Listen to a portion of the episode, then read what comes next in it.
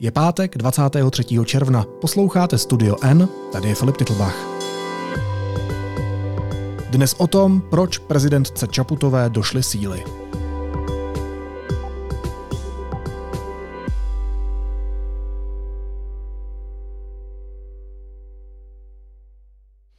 Toto vyhlásenie je jedno z najťažších, aké som v živote urobila a zrejme aj urobím. Slovenská prezidentka Zuzana Čaputová oficiálně potvrdila, že se nebude znovu ucházet o post prezidentky. Řekla, že nemá dost sil na další mandát. Pred oznámením tohto svojho rozhodnutia som musela odhadnúť svoje sily na ďalších od dnes potenciálne 6 rokov. A po veľmi poctivom zvažovaní dnes viem, že by tých síl na ďalší mandát nebolo dosť. Jakým útokům musela čelit? Bude její odchod problémem pro slovenskou demokracii? A kdo už se těší na její místo? Budu se o tom bavit se šéf-redaktorem slovenského deníku N Matúšem Kostolným. Matúši, ahoj, zdravím tě do Bratislavy, vítej. Ahoj, ďakujem za pozvanie. Rádio Slovensko k veci. Zuzana Čaputová nebude opätovne kandidovať v prezidentských voľbách. Hovorí, že ide o jej osobné rozhodnutie. Je to zlé? Je to špatná správa? Na prvú, na druhú aj na tretiu uh, je to zlá správa, pretože Zuzana Čaputová je výborná prezidentka. Uh, takého dobrého prezidenta, prezidentku uh, Slovensko ešte nemalo. Naozaj mali sme dobrého prezidenta Andreja Kisku, mali sme prezidenta, ktorý prekvapil pozitívne Michala Kováča, ale aj v porovnaní s nimi uh, si myslím, že je to najlepšia prezidentka ako Slovensko zatiaľ malo. Čiže z tohto pohľadu e, je to zlá správa, pretože mm, dobrá správa by bola, keby tá prezidentka bola, bola prezidentkou ešte ďalšie volebné obdobie. A to, že sa rozhodla, že ňou už nechce byť, e, je, je dôvod na sklamanie, alebo je to škoda, je to jednoducho škoda. A, ale dá sa tam nájsť aj pozitívne momenty, dá sa za tým e, v tom príbehu ten príbeh je tak e, košatý a hlboký, že, že určite sú tam aj mo- momenty a rozmery, ktoré sa dajú povedať, že sú pozitívne. Co je pozitivního na tom, že Zuzana Čaputová už znovu nebude kandidovať na prezidentku? Čisto z jej hľadiska, čisto z jej osobného pohľadu je to, e, je to moment, kedy ona vlastne dokázala byť e, aj po 4 rokoch v prezidentskom paláci, dokázala byť človekom sama sebou, dokázala byť ľudskou bytosťou, ktorá ktorá má odstup od, e, od vlastnej funkcie a ktorá e, nie je priviazaná k moci, ne, nebaží pomoci takým spôsobom ako väčšina ostatných politikov. A ona sa tej moci dobrovoľne vzdáva. To je niečo tak nevý, nevýdané a výnimočné, pretože ona neodchádza po škandále, ona neodchádza preto, že by stratila podporu verejnosti. Aj v prieskume, ktorý sme zverejnili tento týždeň, je Zuzana Čaputová stále najpopulárnejšou političkou v krajine. Neberte prosím moje rozhodnutie nekandidovať ako dôkaz toho, že so slušnosťou sa nedá uspieť. Dajú sa s ňou vyhrať voľby, vykonávať mandát a byť pritom najdôveryhodnejším politikom v krajine.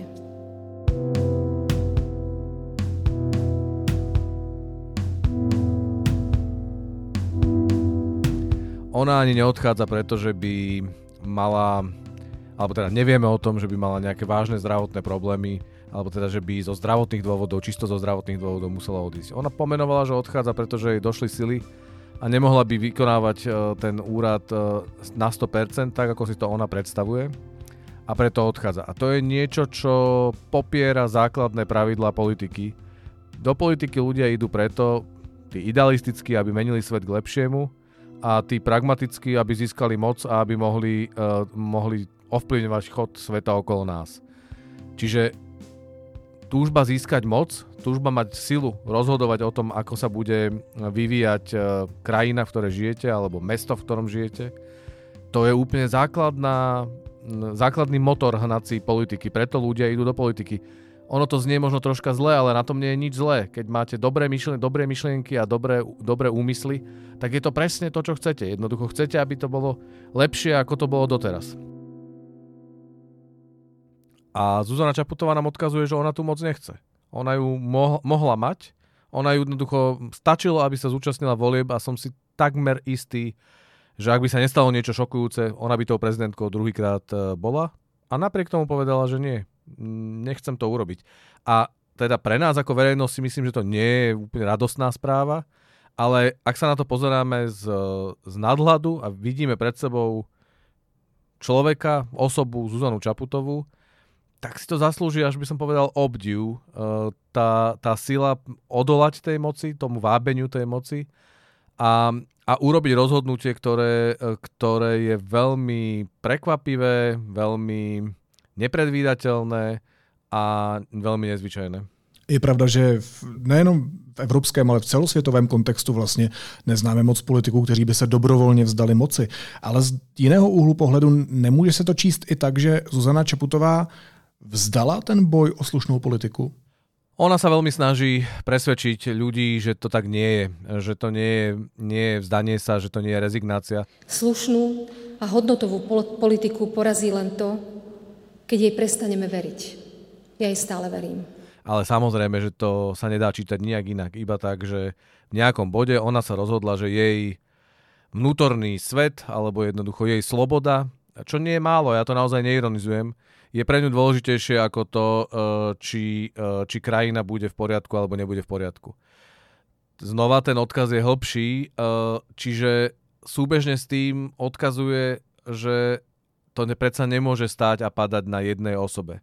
Čiže Zuna Čaputová aj v tom vyjadrení, ktoré tento týždeň prečítala, povedala, že veď je tu veľa šikovných ľudí na všetkých úrovniach politiky a určite sa nájde aj, aj veľmi dobrý prezident tak uh, tam je problém iba s tým, že určite sa nájde, pretože na Slovensku máme toľko, toľko skúseností s tým, kedy sa našli práve naopak e, katastrofálni politici, ktorí sa uh, dostali k moci, že to je práve to, čo z toho robí, povedal by som, že riskantnú, riskantnú operáciu, ale jasné, ona mohla byť prezidentkou a, a už ďalej nechce byť.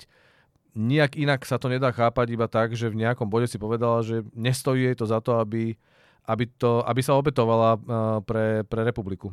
A co znamená to nestojí jí to za to? Co jí za to nestojí? Já vím, že ona čelila různým útokům z různých stran. Ty útoky nebyly vůbec hezké. Tohle je to, co jí za to nestojí? Pomenovala eh, niekoľko dôvodov a ona ich tak skôr naznačila, pretože eh, mnohé z nich sú asi naozaj veľmi súkromné, aby som nepoužil slovo intimné, ale sú jednoducho naozaj zasahujú jej osobu a jej najbližších. Čiže my všetci vieme, že e, prezidentka Čaputová čelila neustále útokom. E, tie útoky boli na rôznych úrovniach.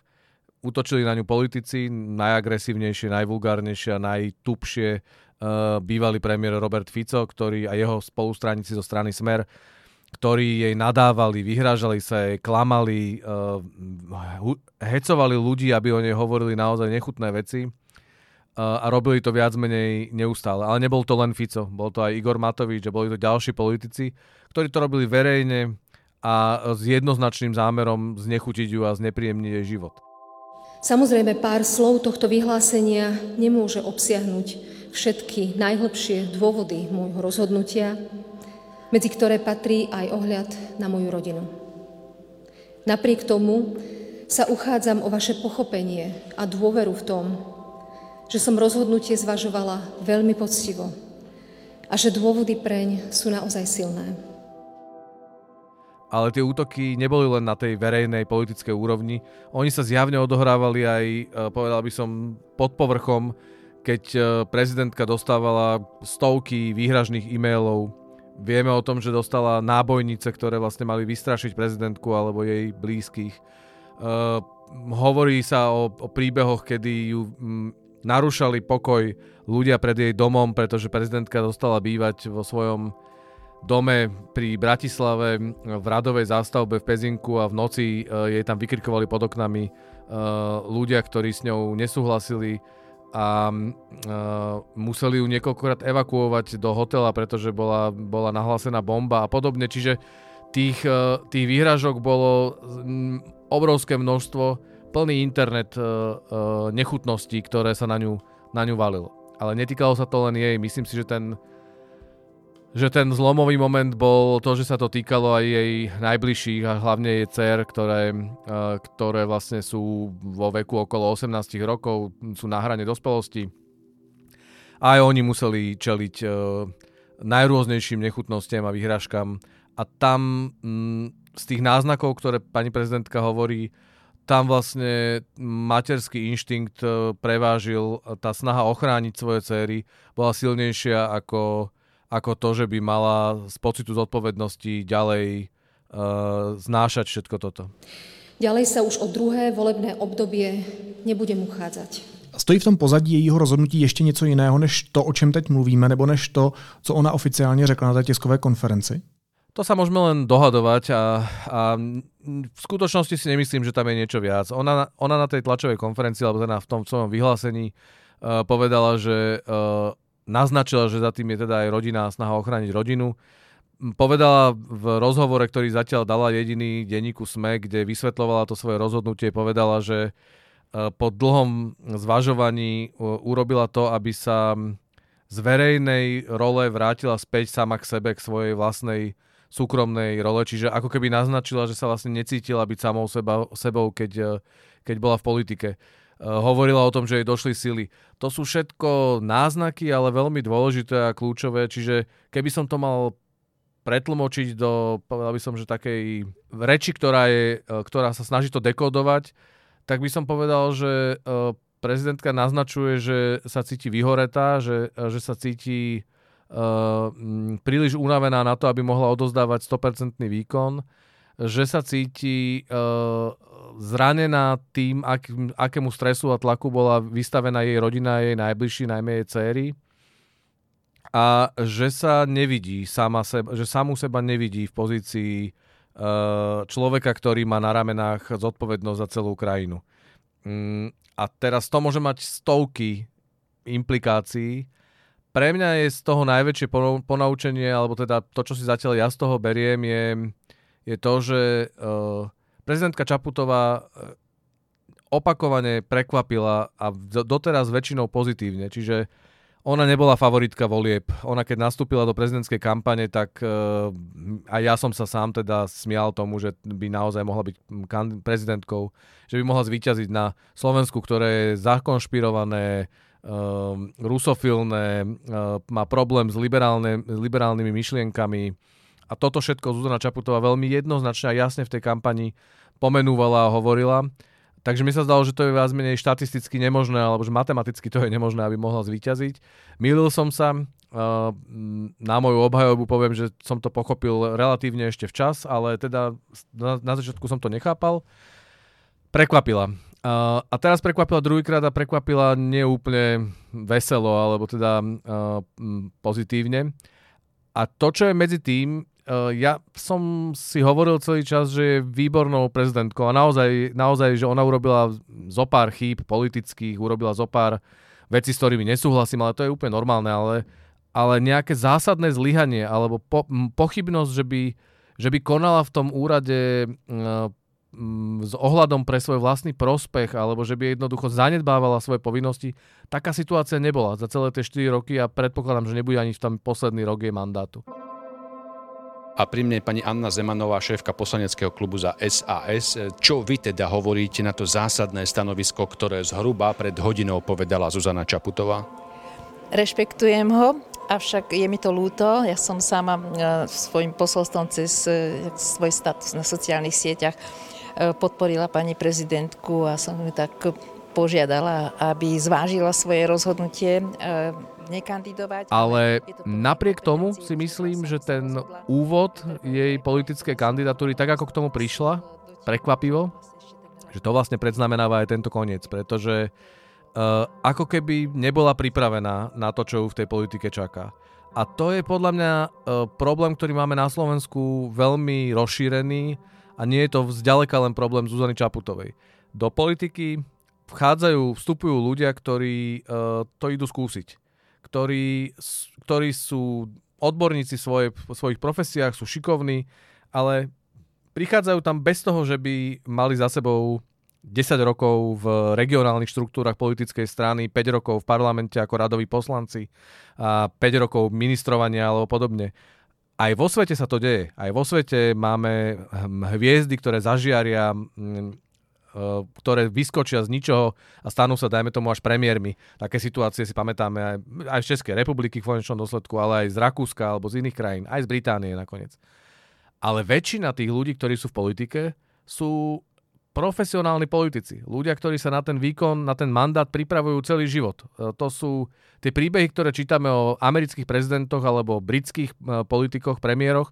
To sú príbehy, kde tí ľudia sú už od strednej školy pripravovaní alebo sa pripravujú na to, e, že raz budú politici. Čiže dávajú si pozor, alebo mali by si dávať pozor, čo robia, ako sa správajú, um, mali by sa učiť to remeslo, čo to znamená byť v politike a potom do tej politiky idú. To neznamená, že nezlyhajú. Aj oni zlyhávajú a častokrát fatálne. Ale som si úplne istý, že ich nemôže prekvapiť to, že politika, že súčasťou politiky je aj špina, útoky, hnus. Som si úplne istý, že ich nemôže prekvapiť potom to, že, uh, že súčasťou politiky je aj zmena životného režimu, alebo teda strata súkromia. A to sú veci, ktoré podľa mňa Zuzana Čaputová nie úplne mala, bola na ne pripravená. A ja som to už povedal, ona býva doteraz v radovej zástavbe v mestečku pri Bratislave a nechcela z, neho, z toho domu odísť. Samozrejme, že sme vinní aj my, ako občania, ako, tá, ako krajina, pretože nemáme dôstojné bývanie pre prezidenta a nemáme ho už 30 rokov. Ale to jednoducho nie je v poriadku ani to rozhodovanie za tým, pretože aj Zuzana Čaputová chcela zostať v svojom dome preto, aby si zachovala čas svojho z predošlého života, aby si zachovala svoje súkromie, aby so svojimi deťmi a so svojím partnerom bola v svoj, svojom dome, kde, kde jednoducho žije a kde sa cíti doma. A predstav si prezidenta Spojených štátov amerických, že povie, že nie, nie ja nepôjdem bývať do Bieleho domu, Predstav si prezidenta Spojených štátov amerických, ktorý chodí nakupovať do, do obchodu. Predstav si prezidenta Spojených štátov amerických, ktorý, ktorý po tom, čo celý deň rozhodoval o tom, že či krajina urobí to alebo ono, večer príde domov a navarí večeru pre rodinu a upratuje svoj byt. No dobře, ale Zuzana Čapotová řekla slova, které mě se opravdu jako vrly do mozku. Ty řekla, že za lidskost platíte velkou cenu svojí zranitelností. Dá se vůbec v tomhle bezkrupulózním prostředí pohybovat jako člověk, který má určitou dávku empatie, jako člověk, který je senzitivní, je citlivý, um, je vlastně lidský. Není tohle důvod, proč se do té politiky dostávají potom částečně psychopati nebo lidi, kteří touží pomoci? Není tohle to, co člověka, jako je Zuzana Čaputová, prostě vyvrhne z toho systému? Určite áno, určite to je súčasťou toho problému a, a určite to je osobnostné nastavenie jednot, každého jednotlivca, že či to vlastne vie zvládnuť alebo nevie zvládnuť. Ukazuje sa, že Zuzana Čaputová bola na to príliš citlivá a príliš uh, si to púšťala, uh, pripúšťala k sebe a áno, logickým vývodom potom je, že keď ľudia ako Zuzana Čaputová sú príliš jemní, citliví a ľudskí, tak potom nám zostávajú len tí menej jemní, menej citliví a, a, a neludskí. A takých máme v politike aj my, aj vy desiatky, stovky, väčšinu. To tak je. Ale ani to predsa podľa mňa nemôže znamenať, že to je buď alebo. Jednoducho eh, aj tam sa musí dať urobiť preto všetko, všeličo možné, aby sme, sme ľuďom, ako je Zuzana Čaputová, umožnili v tej politike byť. Je to v našom záujme. A to je presne to, čo som hovoril. Uh, Zuzana Čaputová mala podľa mňa desiatky jednoduchých nástrojov, relatívne jednoduchých nástrojov, ktorými si ten život mohla zlepšiť, v zmysle nie teraz akože, aby mala nejaký prospech, alebo aby mala nejaké, nejaké, nejaké vlastné e, obohatenie z toho, ale aby ju to neničilo až tým spôsobom, ako ju to ničilo. Čiže bývanie, ochranka, uh, servis, ktorý, ktorý ako prezident podľa mňa má mať. Ako, je to tragédia, ak na Slovensku sa na to pozeráme, že to je nejaké pánske huncúctvo. To je jednoducho vec, o ktorej by sa malo práve teraz pri odchode, alebo teda pri tom rozhodnutí Zuzany Čaputovej diskutovať, že čo je ten servis, ktorý ponúkame prezident, prezidentovi alebo prezidentke, premiérovi.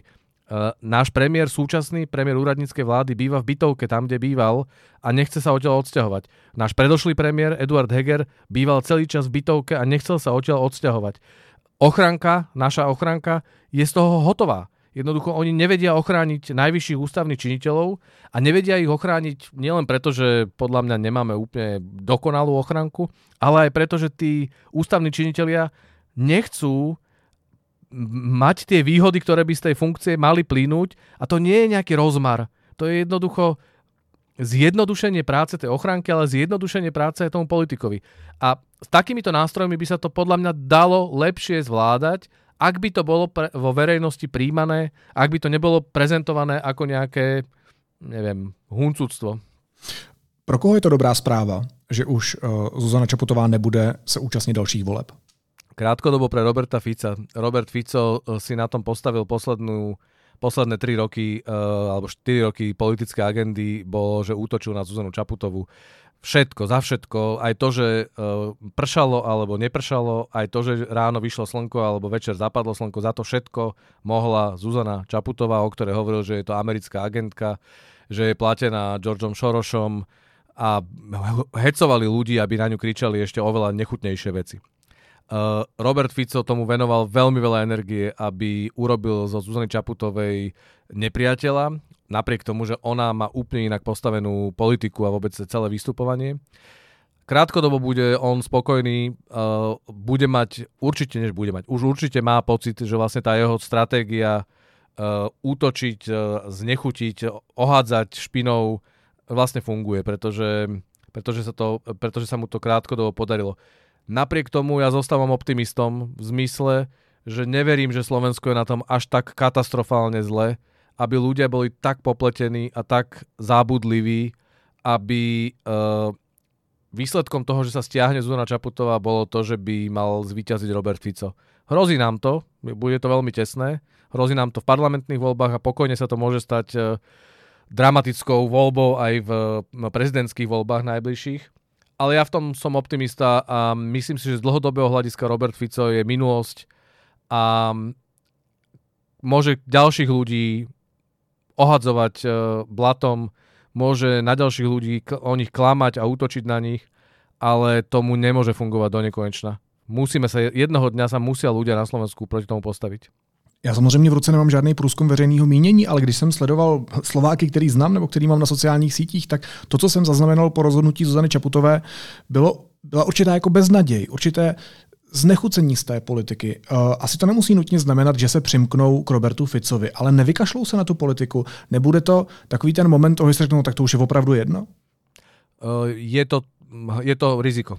Samozrejme, že to hrozí a myslím si, že to je jedna z vecí, ktorú ktorou, ktorá to urobila tak ťažkým pre Zuzanu Čaputovú, preto sa tak dlho rozhodovala, pretože si to podľa mňa uvedomuje, že to je, že to je riziko. To rozhodnutie Zuzany Čaputovej uh, sa zapíše do dejín uh, až potom, ako budeme vedieť, ako dopadli najbližšie parlamentné voľby a ako dopadli najbližšie prezidentské voľby. Ak by sa písali tie dejiny dnes, tak si myslím, že by prevážil ten moment, že, uh, že vlastne odišla, že utiekla z boja a že to, že to nie, nie je dobre. Ale ak náhodou sa stane, že parlamentné voľby nedopadnú až takou katastrofou, že tí voliči, ktorí dnes sa cítia beznádejní a frustrovaní, presne ako hovoríš, uh, že nakoniec sa vlastne aj po tom rozhodnutí Zuzany Čaputovej preberú a zmobilizujú a uvedomia si, že nie Zuzana Čaputová nás zachraňuje.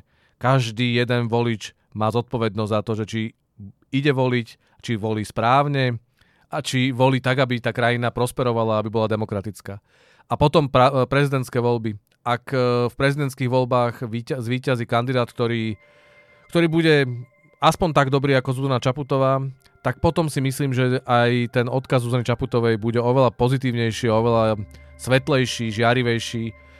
Uh, ale ak sa to nestane, ak to dopadne zle, tak to bude riadny masaker.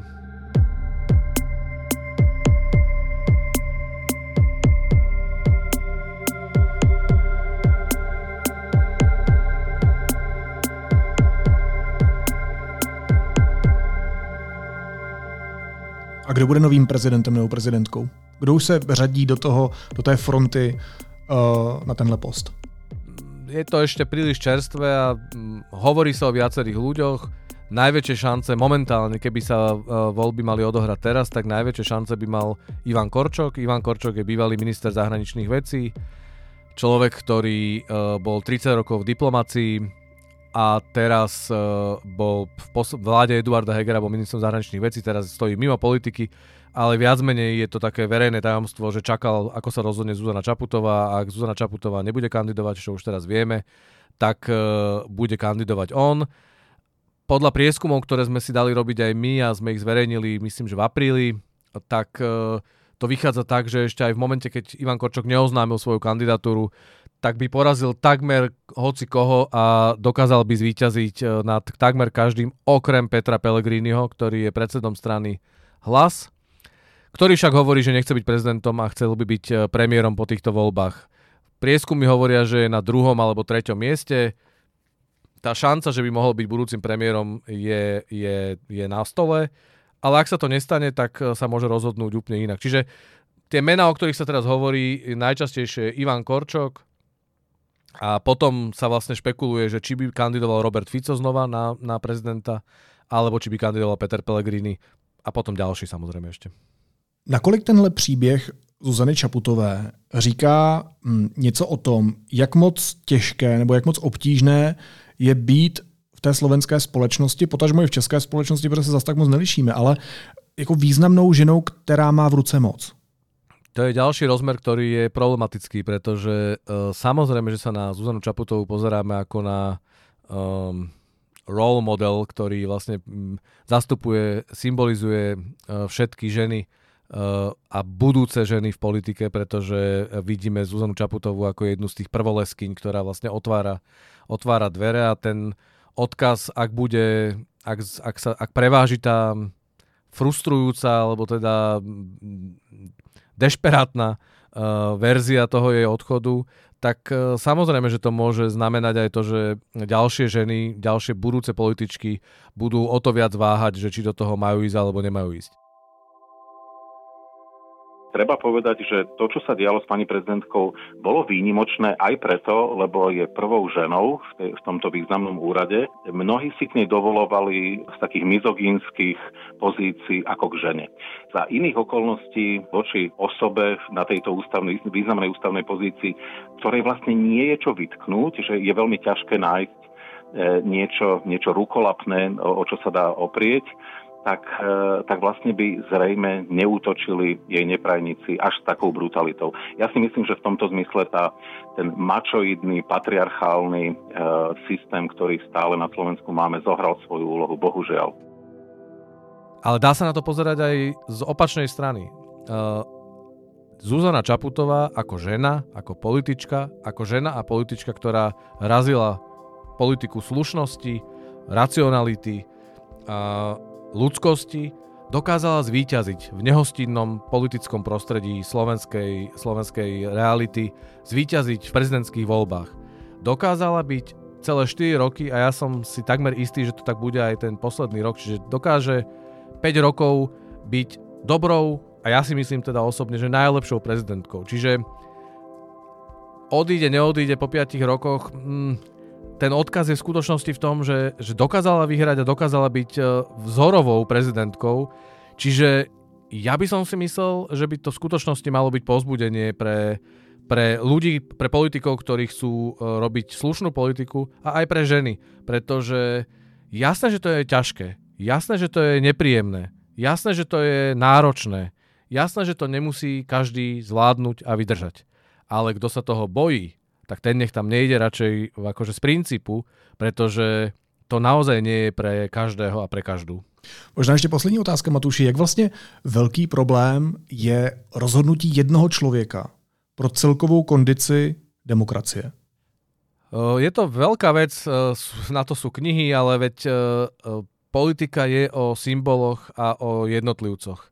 Celé dejiny si rozprávame cez príbehy kráľov, panovníkov, prezidentov, uh, vojvodcov, nerozprávame si príbehy štrukturovaných, štrukturovaných tisícok ľudí, rozprávame si ich cez jednotlivcov. A je to pochopiteľné, tak fungujeme ako ľudia, tak sme fungovali do, celé, akože celé tisíc ročia, tak fungujeme. Uh, takže je úplne jasné, že tak ako hovoríme o Zuzane Čaputovej ako o prezidentke Slovenska keď uh, ideme na tú úroveň, že by sme sa rozprávali s inou krajinou, tak Zuzana Čaputová je Slovensko. Akože ona reprezentuje Slovensko. Čiže jasné, že to má obrovský vplyv. Prezidentka veľmi správne hovorí, že ale to nie je len o jednom človeku, že predsa to musia byť e, aj všetci tí ostatní. Áno, aj ja to opakujem a stále zdôrazňujem, že to nie je tak, že prezidentka alebo prezident, že jeden človek tu všetko zachráni. To nie je... Zuzana Čaputová zvádza k tomu, tak ako vyzerá, tak ako, tak ako sa javí na vonok. Ona má taký princeznovský vzhľad, je, pôsobí ako taká princezna. to nie je o princeznách a rytieroch. To nie je o jednotlivcoch, ktorí akože tasia meč alebo zahalujú sa závojom. To je nakoniec je to o robote tisícok ľudí, ktorí vlastne vytvárajú tú, ten, tú krajinu, naplňajú ju obsahom a robia ju. Ale lídry sú lídry a na to potrebujete mať silného lídra, aby ste za ním mohli ísť. A teraz nie v slepej viere, nie v, v pocite, že vlastne len slúžite nejakému konkrétnemu lídrovi. To Zuzana Čaputová nikdy nevyžadovala, ani to neodkazovala.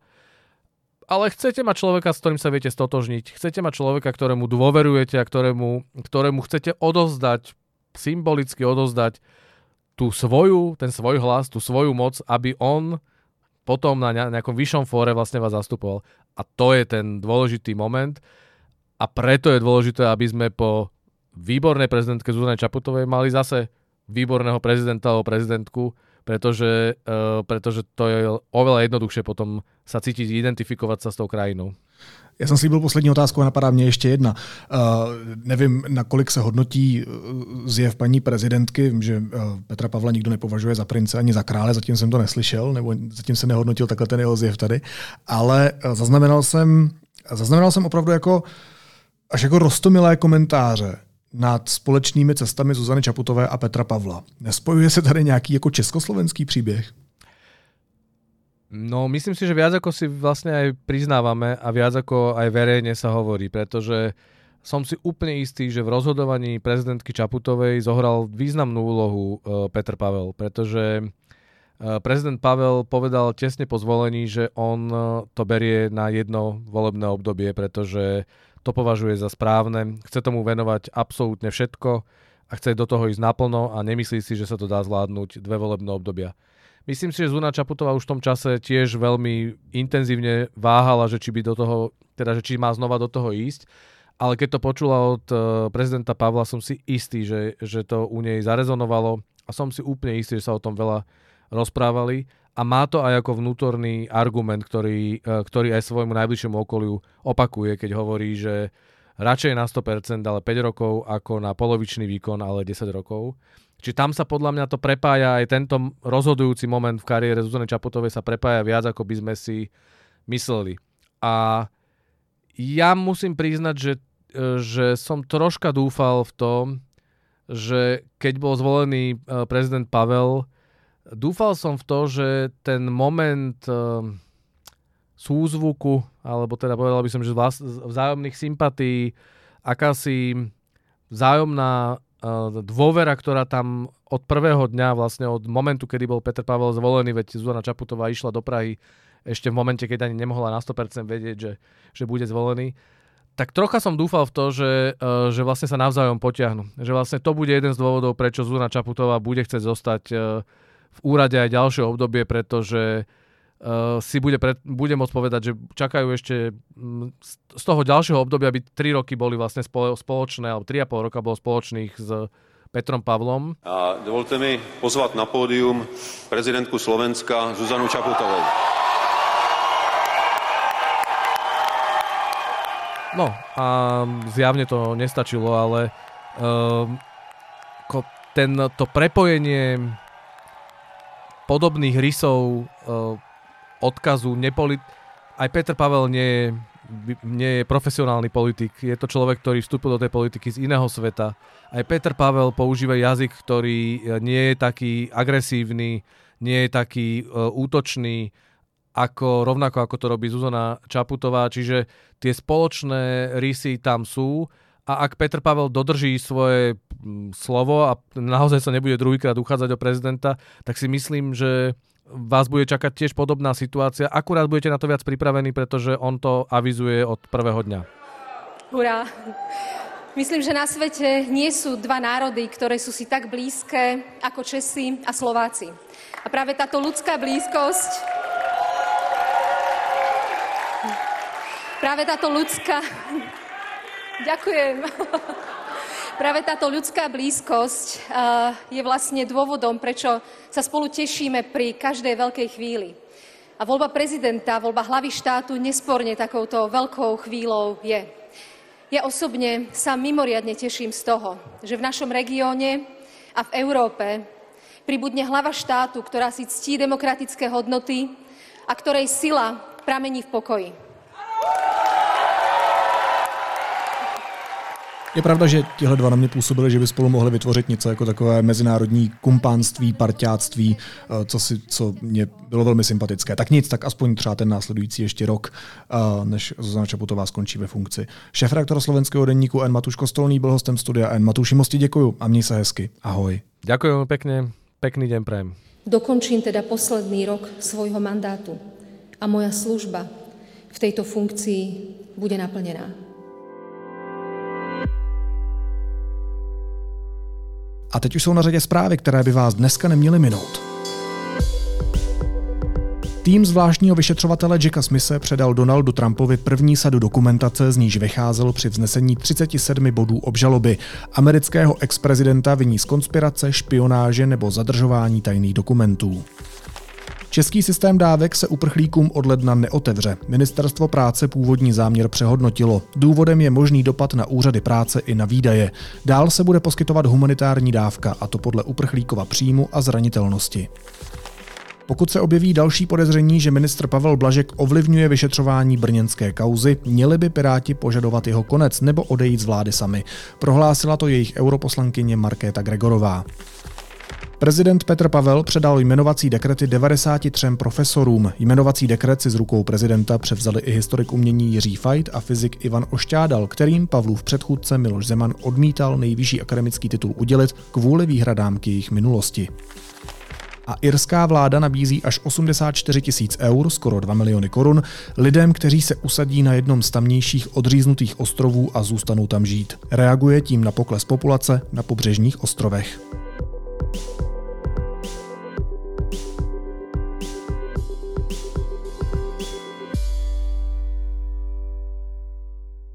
A na závěr ještě jízlivá poznámka. Petr Dobrovský založil jedno z největších knihkupectví a nakladatelství u nás. Firma má miliardový obrat. Jak zjistil server Seznam zprávy, u soudu o výživné ale Petr Dobrovský roky tvrdí, že jeho měsíční příjem činí jenom 20 tisíc korun. Když ale ručil za úvěr, uvedl příjmy vyšší. Možná by si měl pan podnikatel přečíst některé z knih, které jsme našli v e-shopu knihy Dobrovský. Třeba Staňte se lepším tátou již dnes, Rodičovská odpovědnost, nebo Jak nebýt úplným blbcem. Naslyšenou v pondělí.